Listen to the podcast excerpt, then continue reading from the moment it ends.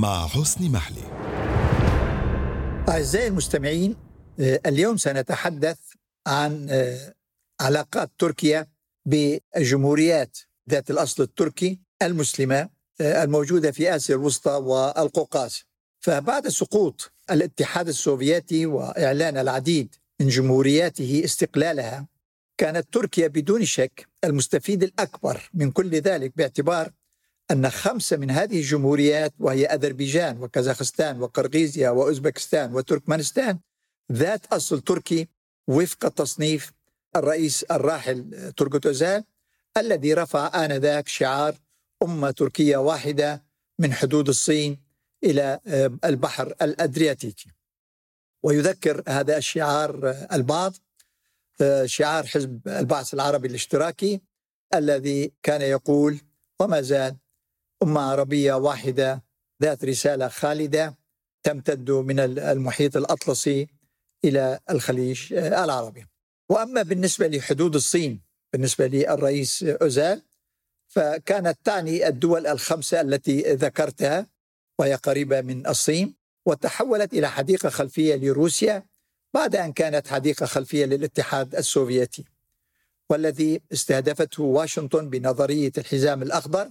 التي وضعها كيسنجر وبريجنسكي لإسقاط النظام الشيوعي عبر تحريض الشعوب الإسلامية داخل الاتحاد السوفيتي ولاحقا روسيا الحالية حيث جمهوريات الحكم الذاتي وما زال يعيش فيها أكثر من 20 مليون مسلم كما هو الحال آه، في الشيشان وداغستان وتترستان وغيره. وأما حدود البحر الأدرياتيكي التي تحدث عنها أوزال فقصد بها الشعوب المسلمة التي تعيش في البلقان ومنها دون شك البوسنة بعد تمزق يوغوسلافيا وكانت تتكلم معظمها اللغة التركية كما هو الحال في اليونان وبلغاريا وكوسوفو وألبانيا وقليلا مقدونيا. وكانت القمة الأولى التي جمعها أوزال في أنقرة نهاية أكتوبر تشرين الأول 1992 بداية الترجمة العملية لمقولات القومية المطعمة دينيا بالنسبة لأوزال حيث جمع زعماء أذربيجان وكازاخستان وتركمانستان وقرغيزيا وأوزبكستان في هذه القمة التي خرجت بقرارات مهمة من أجل تحقيق التكامل السياسي والاقتصادي والاجتماعي والأهم الثقافي واللغوي. بحيث تكون اللغة التركية التي تستخدم في تركيا القاسم المشترك لشعوب الدول الستة كتابة وحديثا لأنه كانت هذه الشعوب تتحدث لغات تختلف فيما بينها والمفردات التركية فيها قليلة أو كانت تلفظ بشكل متغاير من دولة إلى أخرى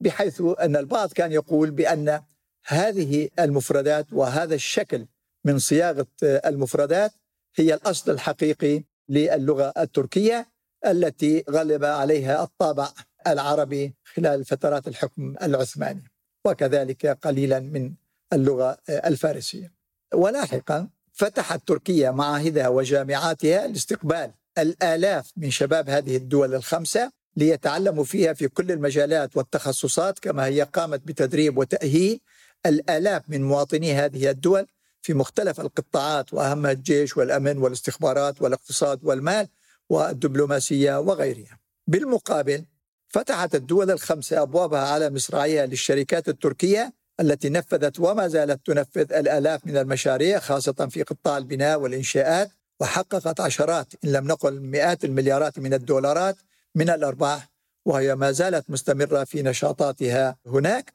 حالها حال العديد من المؤسسات التركية. ويبدو أن الرئيس الراحل تركت أوزال لم يكن مستعجلا في تحقيق التكامل التام بين تركيا والجمهوريات الخمسة لأنه كان يعرف مدى أهمية الفوارق الكبيرة فيما بينها. وبعد أن استفاد أوزال دون شك من تجارب الجامعة العربية الفاشلة بسبب ارتباط أنظمة بعض الدول العربية بالعواصم الغربية وأهمها واشنطن كما هو الحال بارتباط أنظمة بعض جمهوريات آسيا الوسطى بموسكو لأسباب عديدة باعتبار أن حكام هذه الجمهوريات كانوا هم أنفسهم الذين كانوا جزءا من المنظومة الشيوعية قبل سقوط الاتحاد السوفيتي. وكان أزال ولاحقا الرؤساء ورؤساء الحكومات التركية يتابعون مراحل تطورات الاتحاد الأوروبي أيضا ليستفيدوا من نجاحاته وإخفاقاته بسبب تعدد القوميات واللغات وهو ما لم يكن موجودا بين الجمهوريات ذات الأصل التركي.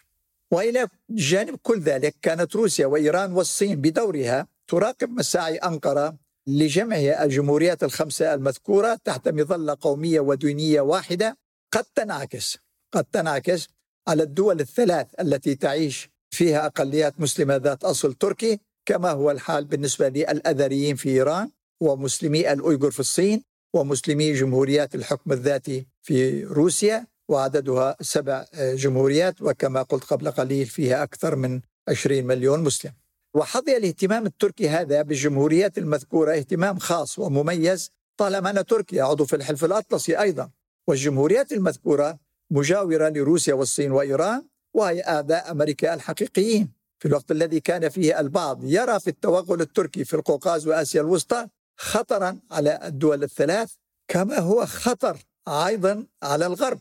بعد استلام العدالة والتنمية للسلطة في تركيا نهاية 2002 باعتبار أن زعيم العدالة والتنمية رجب طيب أردوغان ذو مقولات إسلامية كان وما زال يرى في نفسه.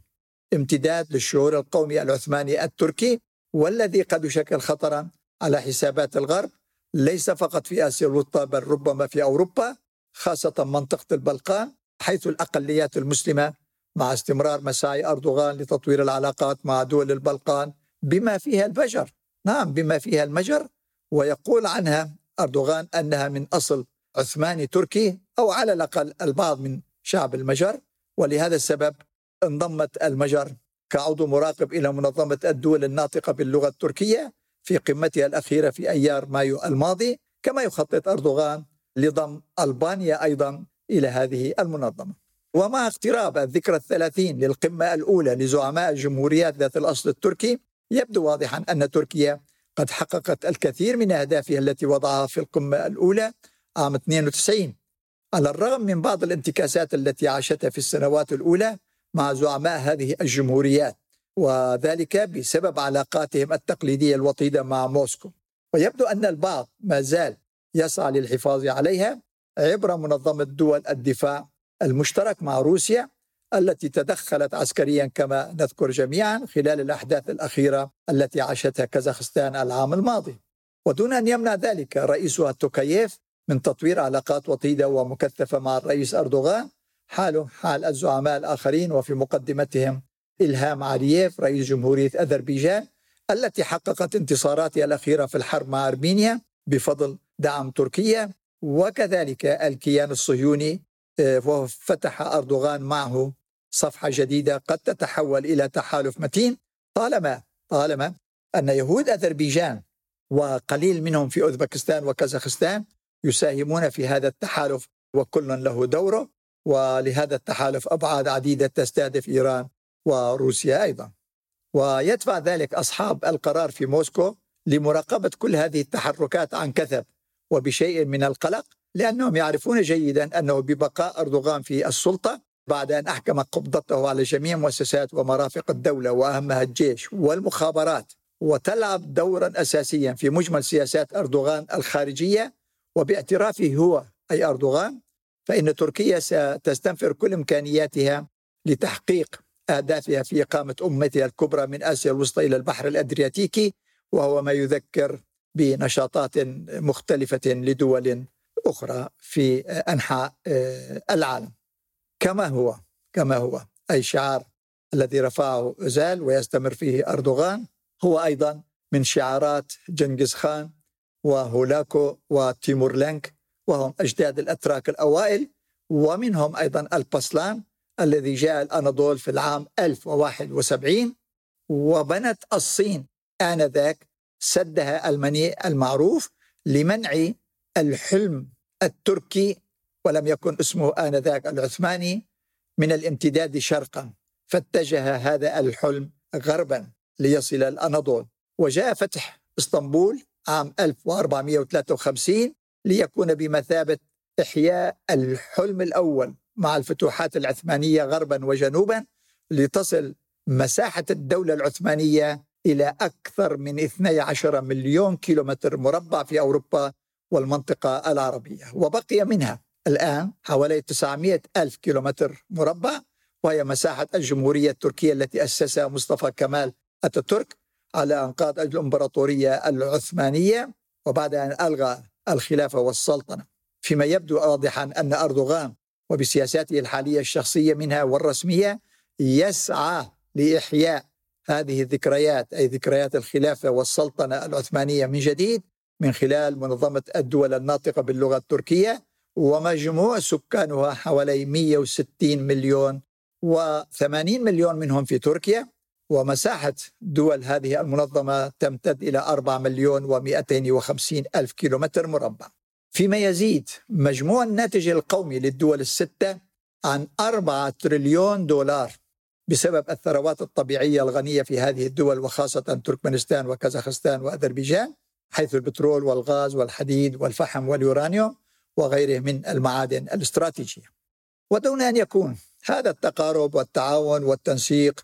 بين كل هذه الدول كافيا لاعتراف الدول الخمسة باستقلال جمهورية شمال قبرص التركية وهي عضو مراقب في منظمة الدول الناطقة باللغة التركية. ويريد لها أردوغان أن تنتشر. أي اللغة في دول أكثر في البلقان بل ليبيا وسوريا والعراق حيث التركمان وحيث عمليات التتريك مستمرة هناك بفضل التواجد التركي العسكري والاقتصادي والاجتماعي والثقافي الواسع يضاف إلى كل ذلك. أربع مليون سوري يعيشون في تركيا منذ عشر سنوات ومعظمهم يتعلم ويتحدث اللغة التركية بطلاقة كما هو الحال في الصومال التي تستضيف تركيا الآلاف من شبابها في جامعاتها مجانا.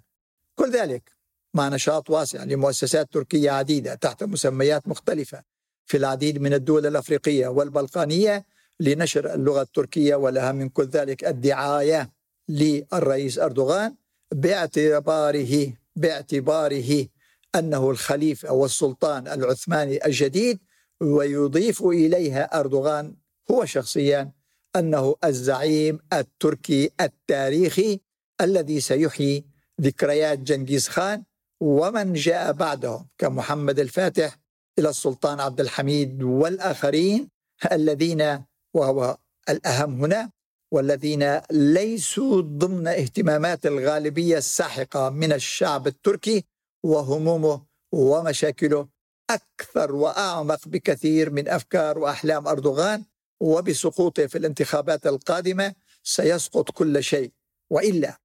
وإلا أي في بقاء أردوغان وإلا فالأتراك في الأناضول سيجدون أنفسهم في وضع لا ولن يحسدون عليه ابدا بسبب مغامرات أردوغان التي لن تنتهي. وإلى اللقاء في حلقة قادمة في بودكاست من الأناضول. وكما أقول دائما أرض العجائب والغرائب والمفاجآت.